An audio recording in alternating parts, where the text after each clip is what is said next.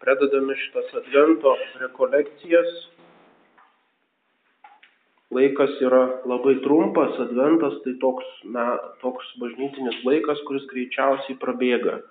Iš visų tiesiog nepastebi, kaip ateina kalėdos ir e, yra tokia tradicija advento laikė ir gavėnių laikė vesti rekolekcijas. Ir prieš tai buvome paskelbę Švento Ignaco rekolekcijas pagal Švento Ignaco dvasinės pratybas, dėja nepavyko jų suorganizuoti ir todėl nusprendėme per šitas advento rekolekcijas e, tokią padaryti santrauką pirmosios savaitės Švento Ignaco rekolekcijų. Taigi, tose advento rekolekcijose e, remsimės iš esmės Švento Ignaco e, dvasinėmis pratybomis. Kas iš jūsų dalyvavo Ignaco rekolekcijose kada nors? Dalyvavot, o jūs nedalyvavot. Aha. Tai labai gaila, kad neturėsit tos patirties pilnų Švento Ignaco rekolekcijų, kadangi e, pilnos rekolekcijos trunka 4 savaitės, 30 dienų. Kadangi niekas tam neturi laiko, Tai yra toksai kursas, tradicinis kursas, kurį taip pat brolyje veda vienos savaitės, šešių dienų. Taigi toks kaip koncentratas tų rekolekcijų sutraukta į vieną savaitę. O dabar šitose advento rekolekcijose, reiškia, padarysim koncentratą, koncentratą, iš vis tik tai kelis pagrindinius punktus. Ir žinoma, tai labai gaila, tai net stoja tikrų rekolekcijų Ir vieną kartą tikrai e, vėl kada nors paskelbsime tą terminą, reikėtų pasistengti juose sudalyvauti, kadangi tik tai turint kelias dienas laiko e, atsitraukimo nuo pasaulio e, įmanoma pajusti, ką tai reiškia tie apmąstymai ir tos temos Švento Ignaco rekolekcijų. Tačiau dabar toksai galbūt kaip pirmas pabandymas, žinoma, neišmoksime to, kas yra svarbiausia Švento Ignaco rekolekcijose, tai yra meditacija ir kontempliacija. Tai yra jo, e, vadinamasis jezuitiškasis apmąstymo būdas, kad jį bent šiek tiek pabandyti, tai yra savaitė yra tikrai minimum. Bet tiesiog galima ir tose advento rekolekcijose šiek tiek pabandyti. Dabar po šitos paskaitos į tokį įžanginę apmąstymą galima bus atlikti rytoj.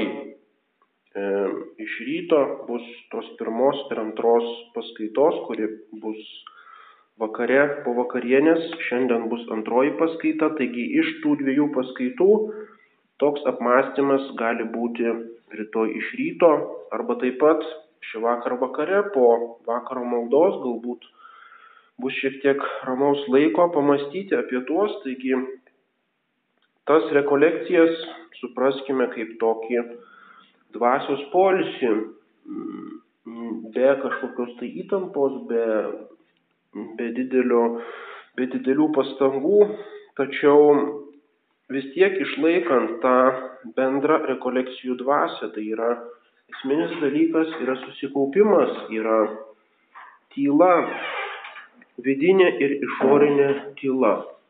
Taigi bet kokių rekolekcijų fundamentas yra išorinė tyla. Laikykime išorinės tylos. Tai yra stenkime nesikalbėti tarpusavyje dėl visų praktinių dalykų, kreipkitės į seserį, kuri e, padės e, valgio metu, kurie ruoš, ruoš valgį arba kuri priėmė jūs į, kam, į parodė kambarį Taigi dėl visų praktinių dalykų kreiptis į ją, dėl dvasinių dalykų arba rekolekcijų temų ar kokiu nors kitų klausimų kreiptis į vieną iš kunigų, kurie veda rekolekcijas ir pasistengim tarpusavyje nekalbėti, taip pat mm, pasistengim išjungti mm, telefoną arba kitus elektroninius prietaisus, nesinaudoti internetu, bent šiek tiek atsiriboti nuo, tos, nuo to išorinio triukšmo kadangi tik tai tyloje veikia šventoji dvasia arba tyloje galima išgirsti e,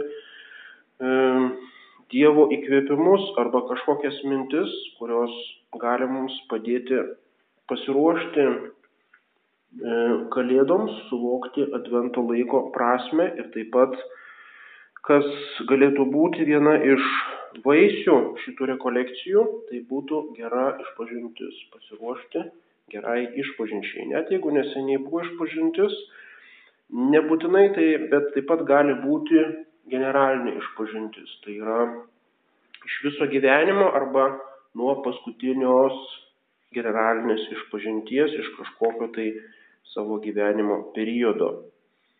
E, išpažin, išpažinčiai numatytas laikas e, šeštadienį, e, rytoj nuo 15.30. Taip pat yra numatytas laikas pokalbį su kunigais. Tas pokalbis yra ne šiaip savo, bet būtent tai, kas liečia mūsų dvasinį gyvenimą. Ir šitos rekolekcijos trumpas, trumpas pakalbėjimas, galbūt kažkas nors turi kokiu nors specialių e, problemų dvasinėme gyvenime, būtent apie tai bus galimybė kalbėti su kunigu. Ir būtent kadangi labai sutraukėme tas rekolekcijų laiką, tai tos temos bus šiek tiek negatyvios. Taigi antroje paskaitoje bus apie nuodėmę, trečioje taip pat apie nuodėmės, apie puolimą, toliau apie mirtį, apie teismą, apie pragarą ir taip toliau. Taip yra todėl, kad nuo to pradeda šventasis Ignacas. Tokia yra pirmoji jo rekolekcijų savaitė - apsivalymas nuo kalčių apsivalymas nuo nuodėmės, grįžimas prie Dievo gailestingumo, suvokiant savo nuodėmingumą. Tai yra pagrindinė mintis tos pirmosios savaitės. Ir iš to gali susidaryti pirmą kartą girdint toks vaizdas, kad tai yra labai niūrios, negatyvios, tokios rekolekcijos apie tuos dalykus, tačiau tai yra netiesa, tai užima tik tai pirmąją savaitę, pirmąjį ketvirtį iš tų rekolekcijų, likusios trys savaitės yra teigiamiems dalykams, tai yra mąstymui apie Jėzaus Kristaus gyvenimą ir kaip galima Jėzų Kristų sekti. Tokia yra Švento Ignaco mintis.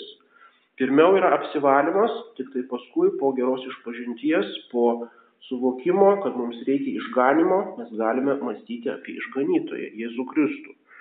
Ir dėje šitame sutrumpiname kurse e, tik tai labai nedaug laiko beliks mąstymui apie tuos teigiamus dalykus. Tai yra apie mūsų pašaukimą, apie Jėzaus Kristaus įsikūnymo paslapti, apie jo gimimą ir vėliau apie Euharistiją, šventasias mišes. Tai bus paskutinė, paskutinė paskaita sekmadienį. Taigi neišsigaskite tų, mm, tų pirmųjų paskaitų.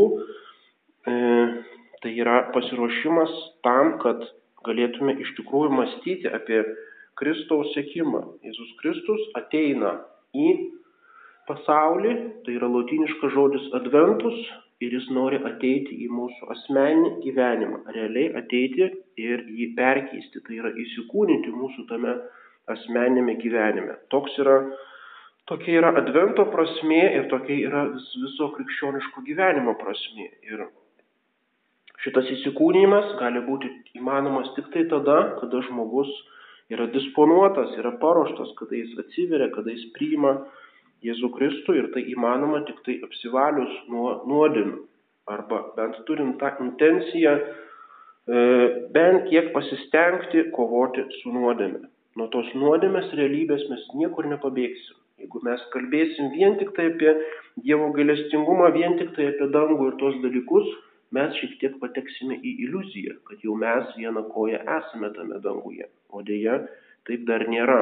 Dar lieka šitas žemiškas gyvenimas, žemiško gyvenimo kova ir tai, ir tai lieka labai, labai svarbus, svarb, svarbi tema. Taigi išlaikykime tylą, e, susitelkime toms mintims, rekolekcijos yra mąstymas ir yra malda. Mąstymas tai yra mūsų darbas, ką mes mąstome apie Dievą. Malda tai yra kreipimasis į Dievą ir Dievo darbas, ką Dievas mums per tą maldą duoda. Bus tam tikros bendros maldos, ryto, vakaro maldos, taip pat šventosios mišios. E, kam nėra tekę dar dalyvauti tose tradicinėse mišiose, galite tiesiog ramiai pabandyti paskaityti tą tekstą iš maldaknygės ir ne per daug apkraukime savęs visokiais dalykais, taigi neužsimkime kažkokiamis ypatingomis savo maldomis, tiesiog darykime tai, kas tose rekolekcijose ir tai jau užteks laiko.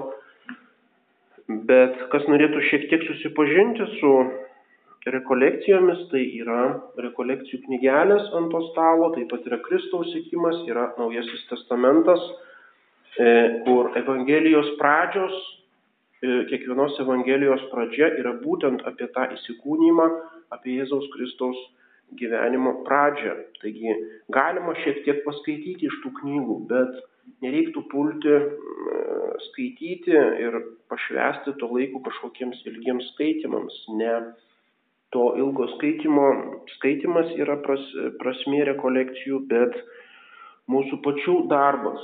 Tai yra pasistengime rekolekcijose ne vartoti, o patys dirbti. Tas pasyvus vartojimas, mes esame pripratę prie tų tekstų, juos nuolat skaitome arba kažką tai girdime ir taip pat ne tos kunigo skaitomos paskaitos yra svarbiausias dalykas. Žinoma, galima skaityti, galima užsirašyti pagrindinės mintis, mintis, bet rekolekcijos yra mano darbas, tai yra tai, ką aš darau. O ką aš darau, tai yra meldžiuosi ir mastau. Kaip mąstyti Tai apie tai galbūt bus sekančioje paskaitoje, tas mąstymo metodas, galima jį pabandyti, bet taip pat galima laisvai, tiesiog taip kaip esame įpratę, susitelkti ties tomis temomis, mąstyti jas teoretiškai ir pritaikyti praktiškai savo. Jeigu nuklysta mintis, be kažkokio susinervinimo, ramiai grįžtame prie tų temų, vėl ir vėl svarstome, gromuluojame tos dalykus, kurie yra patys svarbiausi mūsų gyvenime.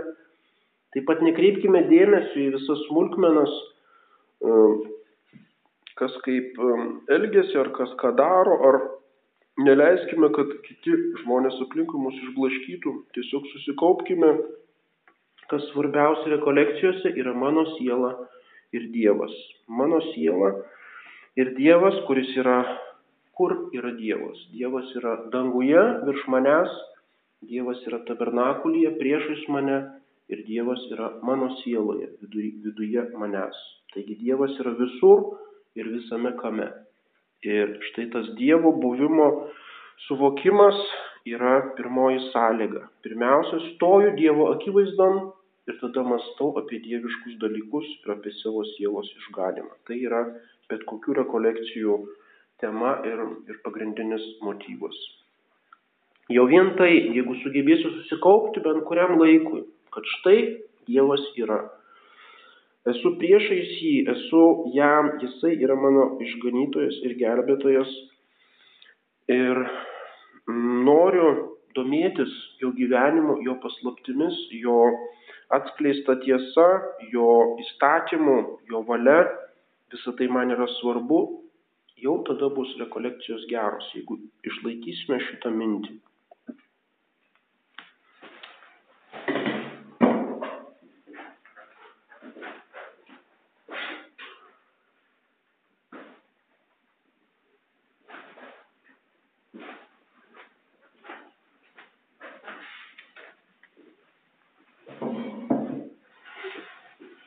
Šventasis Ignacas savo Knyga pradeda dvasinės pratybos, pastabos padedančios suprasti toliau išdėstytas dvasinės pratybas ir duodančios naudos tiek jas pateikiančiam, tiek atliekančiam. Dvasinėmis pratybomis suprantame kiekvieną būdą tirti sąžinę, medituoti, kontempliuoti, melstis žodžiu ir mintimis bei kitokią dvasinę veiklą, kaip toliau bus aprašyta. Mat kaip vaikščiojimas, ėjimas ir bėgimas yra kūno pratybos, lygiai taip dvasinėmis pratybomis vadiname kiekvieną būdą, kuris paruošia ir nuteikia sielą pašalinti iš savęs visus netvarkingus polinkius, o juos pašalinus ieškoti ir rasti dievišką valią, taip tvarkant savo gyvenimą, kad būtų naudinga sielos išganimui. Galime kada nors pasidomėti, kas tai buvo Šventasis Ignacas Lojola, kas tai buvo jo įkurtas ir yra jo įkurtas jėzuitų ordinas, kokią milžinišką reikšmę jis turėjo bažnyčios gyvenime. Ir štai tas Ignaco darbas, jo nepaprastas žygis prasideda nuo šitos knygelės, nuo dvasinių rekolekcijų. Jis vedė tas rekolekcijas pirmiesiams savo sėkėjams ir iš tų rekolekcijų gimė jezuitų ordinas. Iš jezuitų ordino gimė ištisa sistema, e, turėjusi milžinišką įtaką baroko kultūrai, e, visa universitetų švietimo sistema, visos misijos, kurios jau pirmaisiais metais jėzuitų pasiekė Kiniją, Indiją, visas šitas milžiniškas bažnyčios atsinaujinimo darbas įvykdytas Tridento susirinkime. Taigi ta visa naujųjų amžių bažnyčios epocha, galima sakyti, prie jos ištakų yra šitos dvasinės pratybos. Taigi, tai skaitydami tas pratybas mes iš tikrųjų prisiliečiame prie kažkokio esminio dalyko katalikų bažnyčioje. Taigi Šventas Ignacas buvo Baskų didikas Ispanijos karalystėje, kuris žinojo, kad be pratybų nebus pergalės mūšyje. Kas dalyvauja fizinėse pratybose, karinėse pratybose, tik tai tas turės jėgų ir mm, miklumo ir mm, sumanumo kovoje, kare. Ir tik tai tas išgelbės savo fizinę gyvybę. Ir po savo atsivertimo Ignacas tą savo patirtį pritaiko dvasinėje srityje. Dvasinės pratybos tai yra kiekvienas būdas, kuris paruošia ir nuteikia sielą, pirmiausia pašalinti iš savęs visus netvarkingus polinkius. Tai yra negatyvioji, e, negatyvioji veikla rekolekcijose arba pirmoji rekolekcijų savaitė, kaip minėjome, atsikratymas nuodėmės arba bent suvokimas, kad esu nusidėlis, kad turiu įdų ir kad turiu pradėti su jomis kovą. Ir antras dalykas, juos pašalinus ieškoti, rasti dievišką valią, taip tvarkant savo gyvenimą, kad būtų naudingas sielos išganimui. Iš karto praktinis nusiteikimas. Ignacas sako, kas dalyvaujate tose pratybose, nėra jūsų proto ar minčių vien veikla, kad jūs tik tai pamastysite apie dieviškas paslaptis arba galbūt pasvajosit apie dangiškus migdolus ir tada viskas. Ne.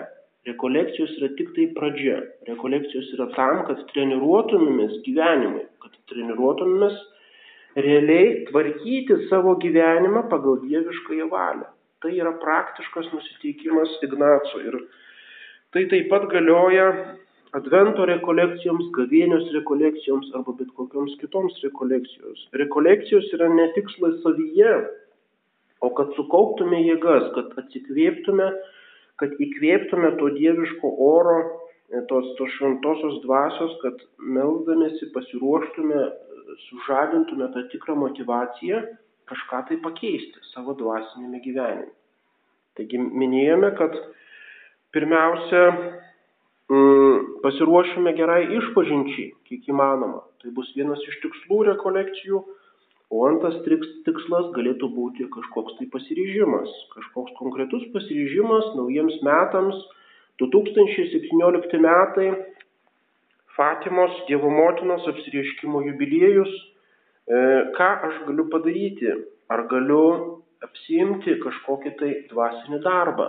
arba galbūt kažkokį artimo meilės darbą, arba gal bent įveikti kažkokią tai įdą savyje, kažkokį sunkumą, arba kažką sutvarkyti savo gyvenimo būdė, išspręsti kokią nors problemą, kuri neleidžia man krikščioniškai gyventi ir taip toliau.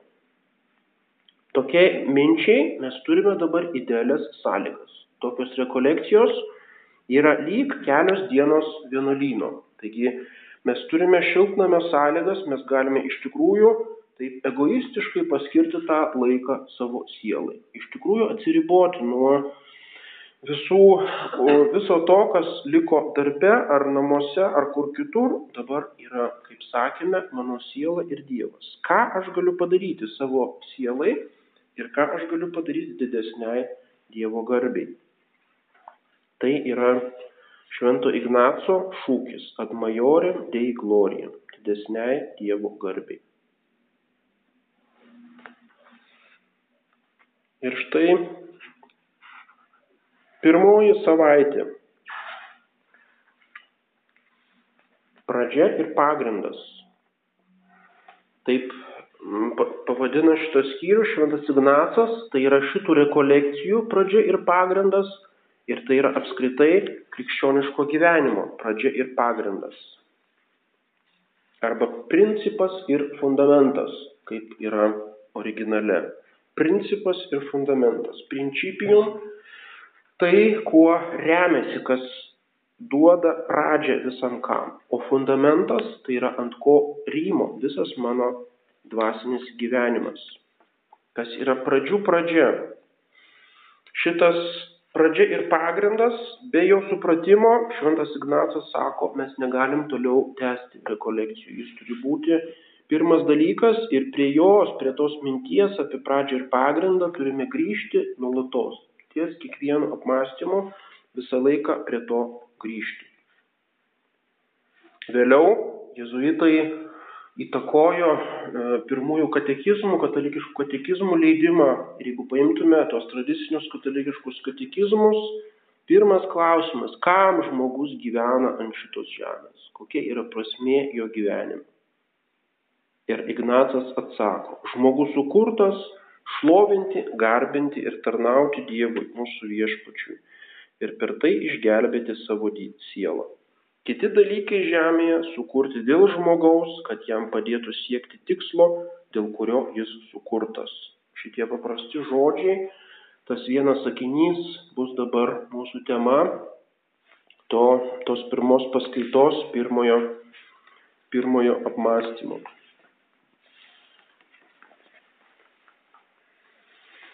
Kam esu sukurtas? šlovinti, garbinti ir tarnauti Dievui, mūsų viešpačiui ir per tai išgelbėti savo sielą. Taigi išeities taškas yra žmogus, tai yra aš. Ir pirmas dalykas, ką galima pasakyti apie žmogų religinėje srityje, kad jis yra sukurtas, kad jis yra Dievo tvarinys, kad jis yra ne šiaip savo šitoje žemėje, bet jis nuo kažko tai priklauso pačia savo kilme, pačia savo prigimtimi.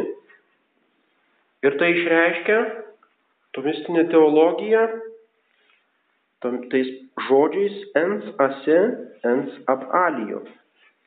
Dievas yra ens ase. Trys trumpi žodeliai. Ens esantis, ase iš savęs. Dievas yra tas, kuris yra iš savęs, kuris turi visą savo būti, visą savo būti ir egzistencija pats iš savęs, visiškai nepriklausomas nuo nieko kito. Visi kiti tvariniai yra ens ab alio. Ens esantis ab alio tai yra iš kito, esantis iš kito. Tai galioja akmeniui, tai galioja medžiui, tai galioja žmogui ir galioja angelui. Taigi visa savo būtimi metafiziškai, ne vien tik tai teologiškai, bet tiesiog iš pačios savo būties mes esame iš kažko tai kito. Mes esame priklausomi, mes gavome savo būti ir savo egzistenciją iš kito, tai yra iš Dievo. Absoliuti, totali priklausomybė nuo Dievo. Nėra taip, kad tik tai chronologiškai mes sutverti, tarkim, Dievas sutvėrė Adomą ir Jėvą ir paskui paliko ir paskui visas pasaulis autonomiškai vystosi savarankiškai. Reiškia, tik tai chronologiškai esą laikė pradžios taškas buvo Dievas, o dabar žmogus jau žmonija savarankiškai vystosi. Nieko panašaus. Ne tik tai pradžioje, bet kiekviename, kiekvieną sekundę mes esame Dievo rankoje. Mes esame absoliučiai nuo jo priklausomi. Taigi esame ne tik tai jo sutverti, bet jisai palaiko mūsų būti. Jisai laiko iš tikrųjų tiesiogiai to žodžio prasme mus savo delne, savo rankoje. Ir galime taip vaizdingai įsivaizduoti, jis laiko mus netgi jeigu sukylame prieš jį. net jeigu esame nusidėliai ir net jeigu esame dideli nusidėliai, kurie, kaip sakoma, sukyla prieš Dievo su iškeltų kumščių, net jeigu grumojame jam, jis vis tiek mus laiko savo rankoje. Mes jeigu kur nors gamtoje paimame kokį nors kirminą ar šliužą į delną, tai labai nemalonu laikyti, stengiamės išmesti. O Dievas per amžius mus laiko, kadangi tai, ką Dievas sutvėrė, jis niekada to nesunaikina. Niekada nesunaikina. Netgi jeigu angelas nupuola ir tampa šitonu, Dievas jį palaiko būtyje. Jis nesunaikina angelų. Tas pats nusidėliui. Priešingai kai kuriems, man rodos, jehovistai taip sako, kad nusidėliai sunaikinami, tiesiog jie dinksta nebelieka jų egzistencijos, jie išnyksta. Nieko panašaus. Niekas neišnyksta. Kiekvienas žmogus, kuris yra pradedamas, kuris ateina iš tą pasaulį, jis yra skirtas amžinybei. Jis bus visą amžinybę. Ar jisai bus draugystėje su Dievu, ar jis bus sukilęs prieš Dievą. Reiškia, jis niekada nuo Dievo nepabėgs, nes nėra kito kosmoso ar kitos daiktų tvarkos išskyrus tą, kuri yra sukurta Dievu. Jis visą laiką yra Dievo dalimi. Ir Dievas ne tik tai palaiko žmogaus būti, bet jis veda žmogaus būti. Ir tai vadiname Dievo apvaizda. Taigi visa tai, kas mums atsitinka, visos malonės, kurias gauname, visos bausmės, kurias turime iškesti, visi mūsų gyvenimo įvykiai, viskas yra ne atsitiktinumas, o yra Dievo apvaizdos planas mums. Kiekvienas mūsų žingsnis, kiekvienas mūsų žodis, viskas yra priklausoma nuo Dievo. Totaliai ir absoliučiai. Tada sakoma, o kur tada žmogaus laisvė? Ar tai nepanaikina žmogaus laisvės? Nieko būdu nepanaikina. Žinoma, žmogaus laisvė yra tam tikra paslaptis, netgi teologijai ir filosofijai, kaip gali būti kažkoks tai tvarinys laisvas, kaip gali kažkas tai išskyrus Dievą būti laisvas. Mes to negalim suprasti, todėl kad laisvė yra dalyvavimas dieviškume. Kas yra laisvas, tai yra angelai ir žmonės, kurie turi laisvę, jie turi kažką tai dieviško savyje. O kas yra dieviško, tas yra paslaptingo, mes to ne, iki galo negalim suprasti. Taigi, kas yra laisvė, tai e, šiek tiek lieka paslaptinga. Tačiau teologija paaiškina taip, kad Dievas Dievo apvaizda veikia neklystamai per mūsų laisvę. Reiškia, Dievo laisvė yra nepalyginamai aukštesnė už žmogaus laisvę ir Dievas nepanaikindamas žmogaus laisvės veikia per jo laisvę. Ir todėl aš visiškai laisvai darau arba gerą darbą, kuris yra nuopelningas Dievo akivaizdoje, arba blogą darbą, kuris yra nuodėmė. Ir esu už abu atsakingas ir už vieną gausiu atlygį, o už kitą gausiu bausmę. Ir tai, kad aš veikiu laisvai, tai nereiškia, kad aš veikiu nepriklausomai nuo Dievo. Kad aš tuo momentu esu nepriklausomas nuo Dievo. Tiesiog Dievo visagalybė ir Dievo apvaizda veikia per mane.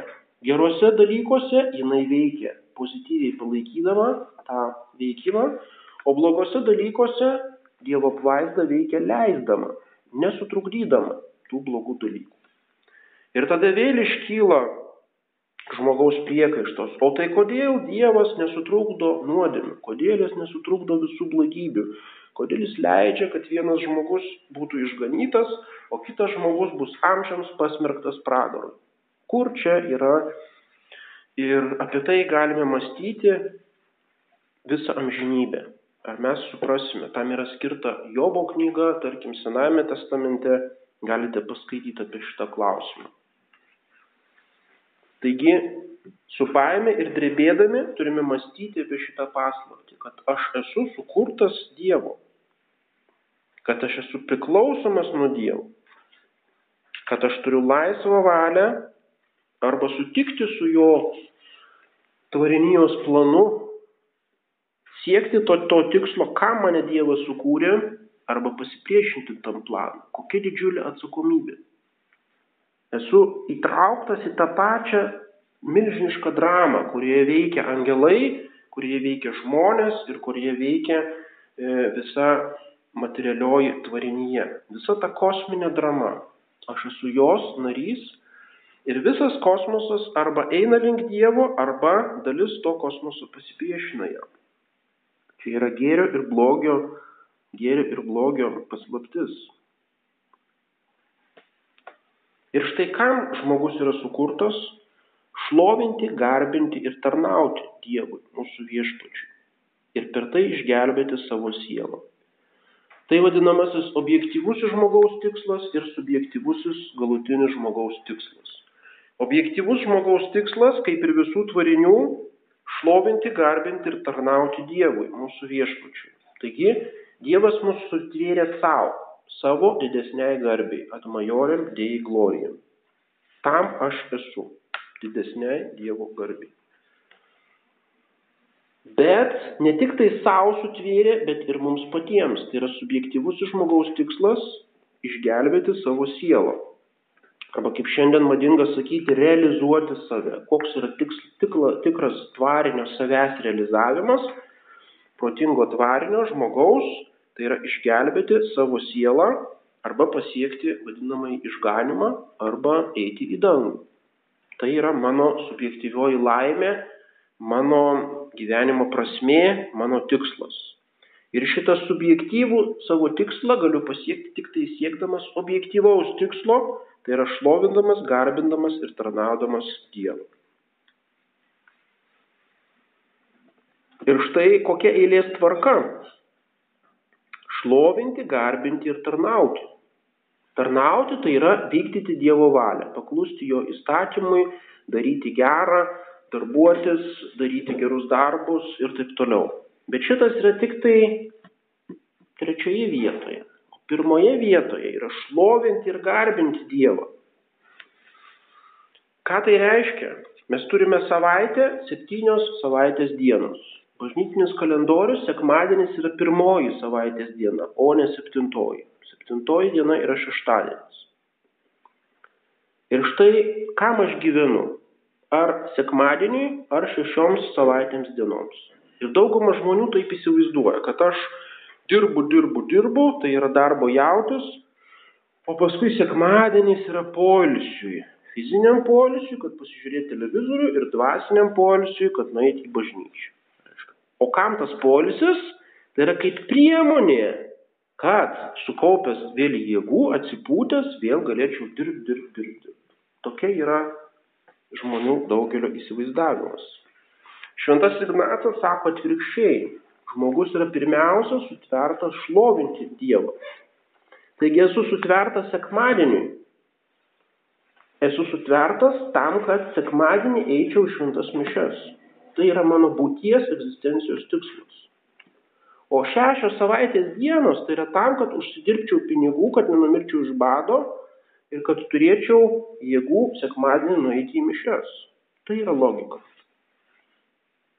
Ir jeigu mes tokią logiką turėtume, visiškai kitaip žiūrėtume į maldą, visiškai kitaip žiūrėtume į įvairias dvasinės praktikas ir į tas pačias mišes ir stengtumės taip pat savaitės dienomis dalyvauti mišiose arba pamaldose. Mes suprastume, kad mes gyvename pirmiausia savo sielai, mes gyvename amžinybėje, mes gyvename religinį gyvenimą, o visas mūsų žemiškas gyvenimas, tai yra visos mūsų darbas, profesija, šeima, e, santykiai su, su kitais žmonėmis, visa kita yra tik tai priemonė. Tai yra tik tai tam, kad išsilaikytume.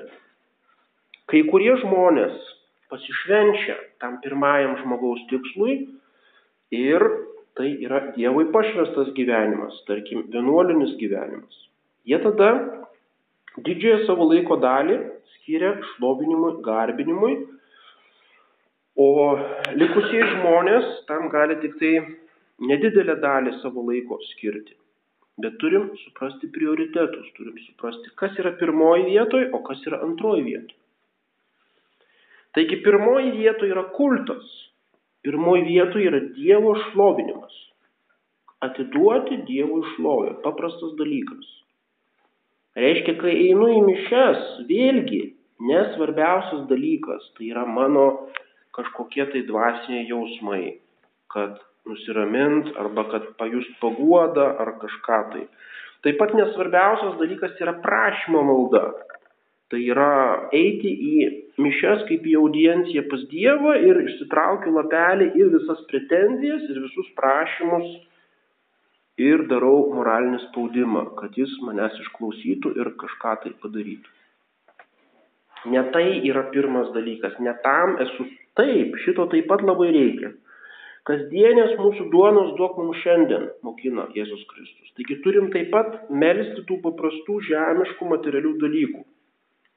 Tai nieko blogo ir nieko žem, žemo arba netvarkingo, jeigu aš nueinu į bažnyčią ir sakau, Dieve, man pakeltų algą. Tai nieko blogo. Duok man kasdienės duonos.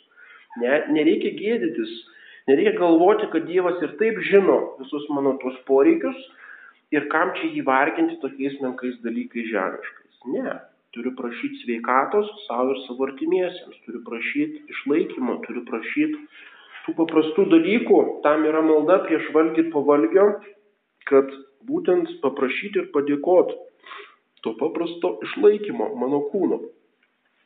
Tačiau pirmas tikslas kiekvienos maldos, pirmas tikslas šventų mišių ir viso mano gyvenimo yra kulto aktas.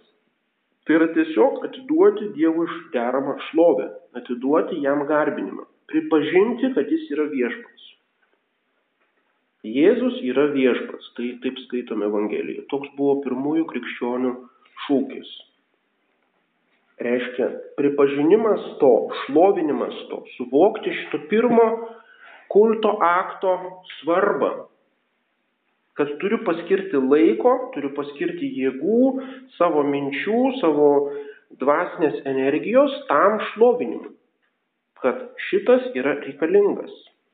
Tada kyla mintis, kam tam Dievui to šlovinimo, jis ir taip yra virš visų dalykų, ar į koks jam skirtumas, ar iš jį pašlovino ar nepašlovinus, vis tiek yra visako valdovas ir karalius, kam jam to reikia.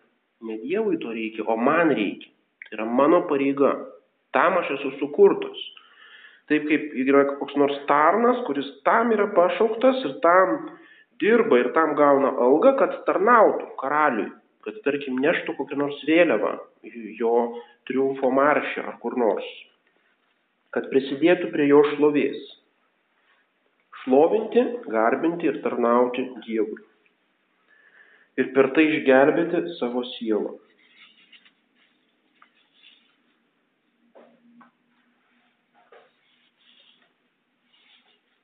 Ir kitas šito sakinio kita dalis, čia žinoma, apie tai galima kelias paskaitas padaryti ir tai paprastai yra daroma rekolekcijose apie šitą principą ir fundamentą yra kelios paskaitos, tai yra didžiulė ir plati tema.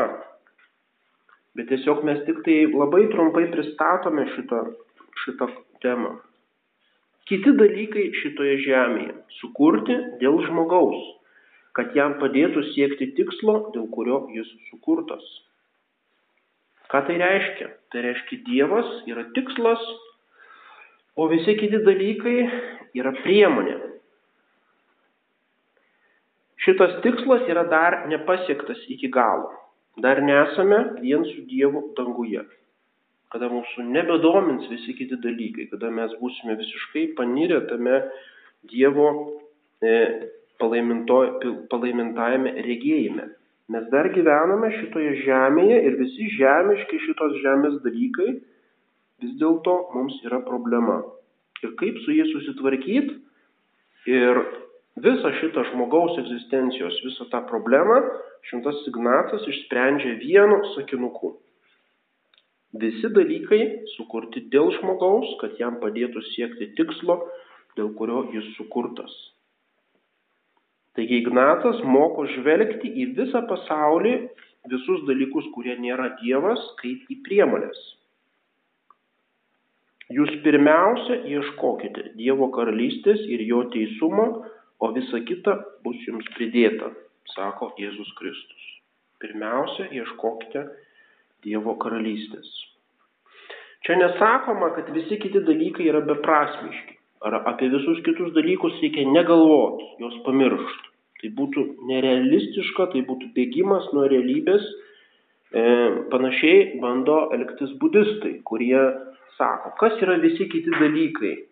Tai yra kančia, tai yra kančios šaltinis. Jie viską mato kaip kančios šaltinis. Ir kaip budizmas įveikia šitą dalyką, e, šitą problemą, paskeldamas ją iliuziją kad tai yra netikra, tai yra iliuzoriška. Reiškia, reikia atsijungti, reikia išeiti į kažkokią nirvaną, reikia pasiekti kažkokį tai būvį, kuriame visi kiti šitie dalykai mūsų nebedomintų, nebejaudintų, pasiliktų kažkur paralelinėje, paralelinėje tikrovėje. Nieko panašaus. Šventas Ignatas nesiūlo bėgti iš šito pasaulio.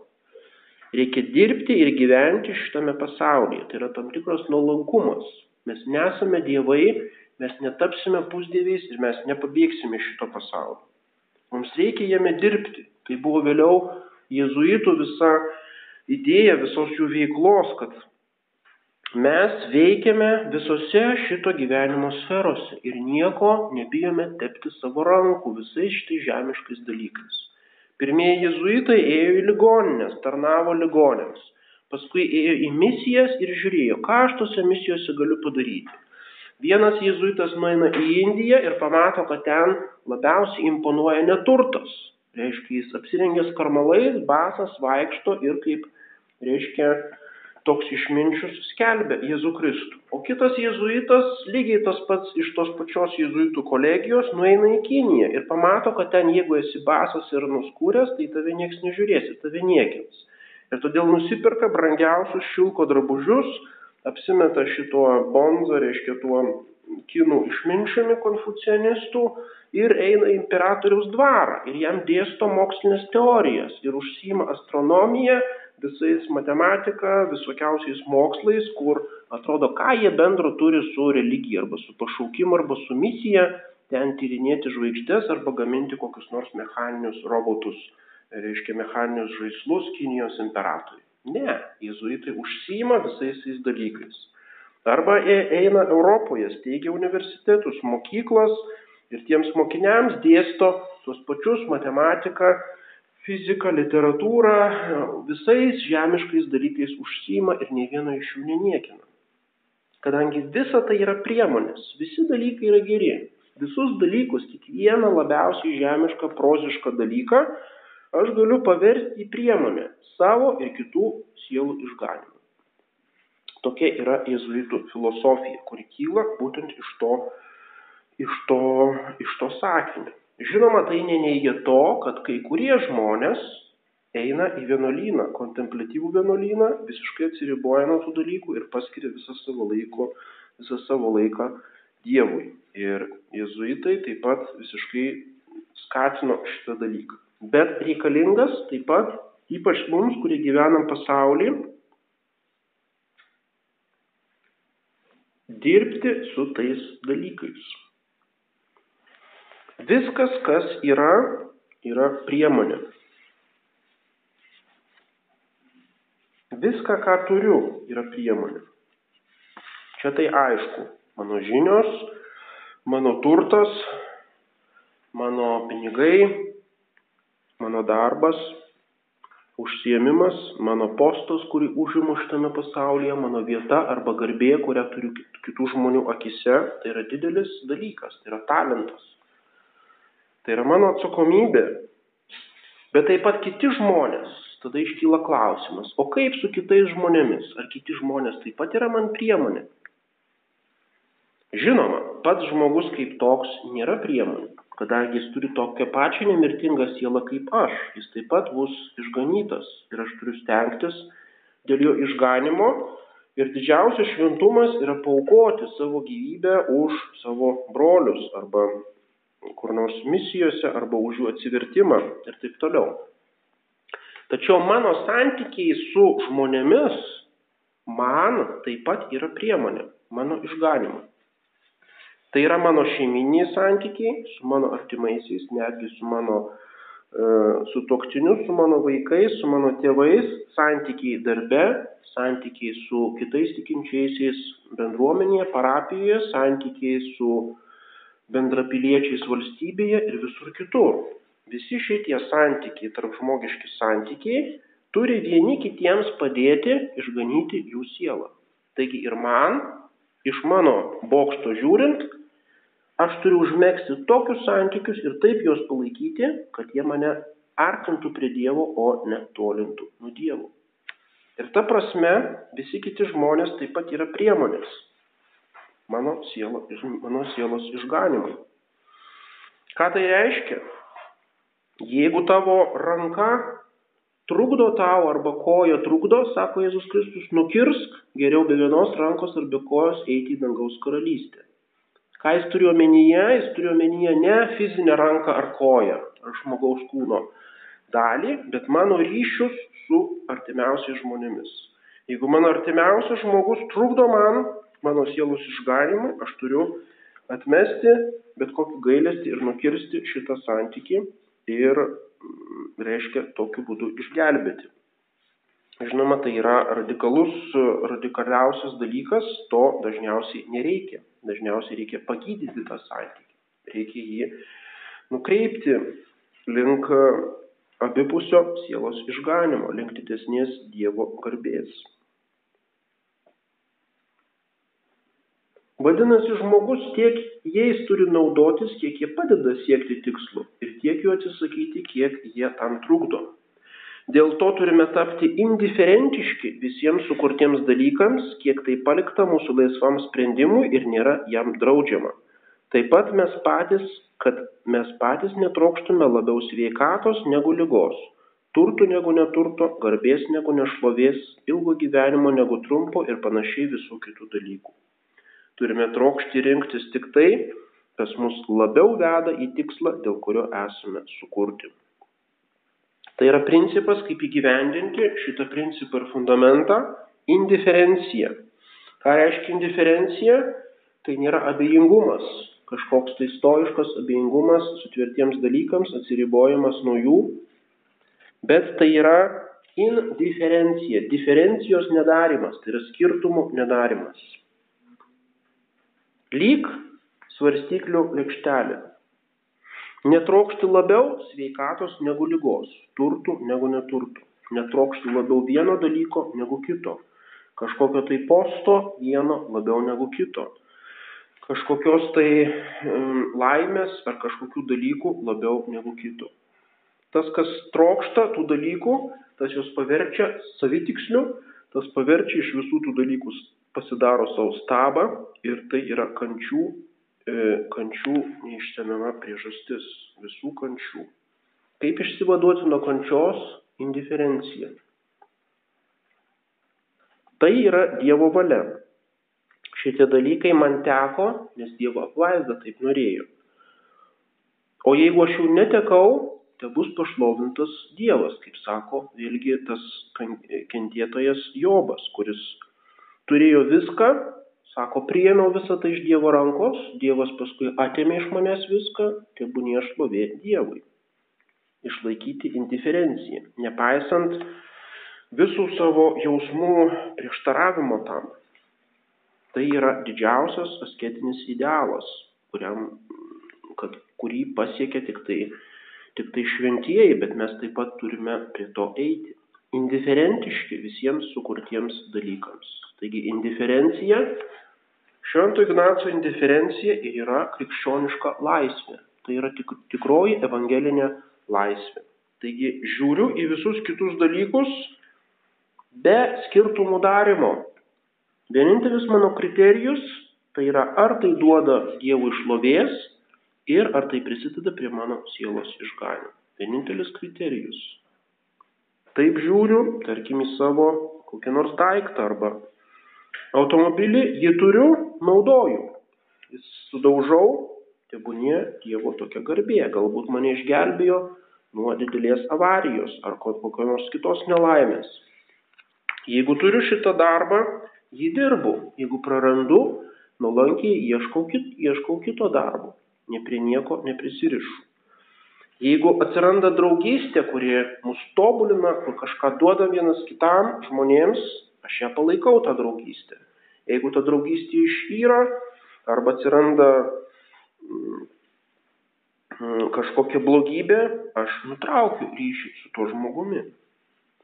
Jeigu jam negaliu padėti, meldžiuosi už jį, bet neprisirišu prie jo e, emociškai ir taip toliau. Čia tik tai labai trumpai paminėjome kai kurios atvejus iš šito indiferencijos principo taikymo ir tiesiog galima apie tai pamastyti rytoj. Taip pat, kas norite, galite paimti, yra tų rekolekcijų knygelių, dar paskaityti apie tai. Dabar bus rožančius, šventosios mišios, vakarienė ir paskui po vakarienės antroji paskaita.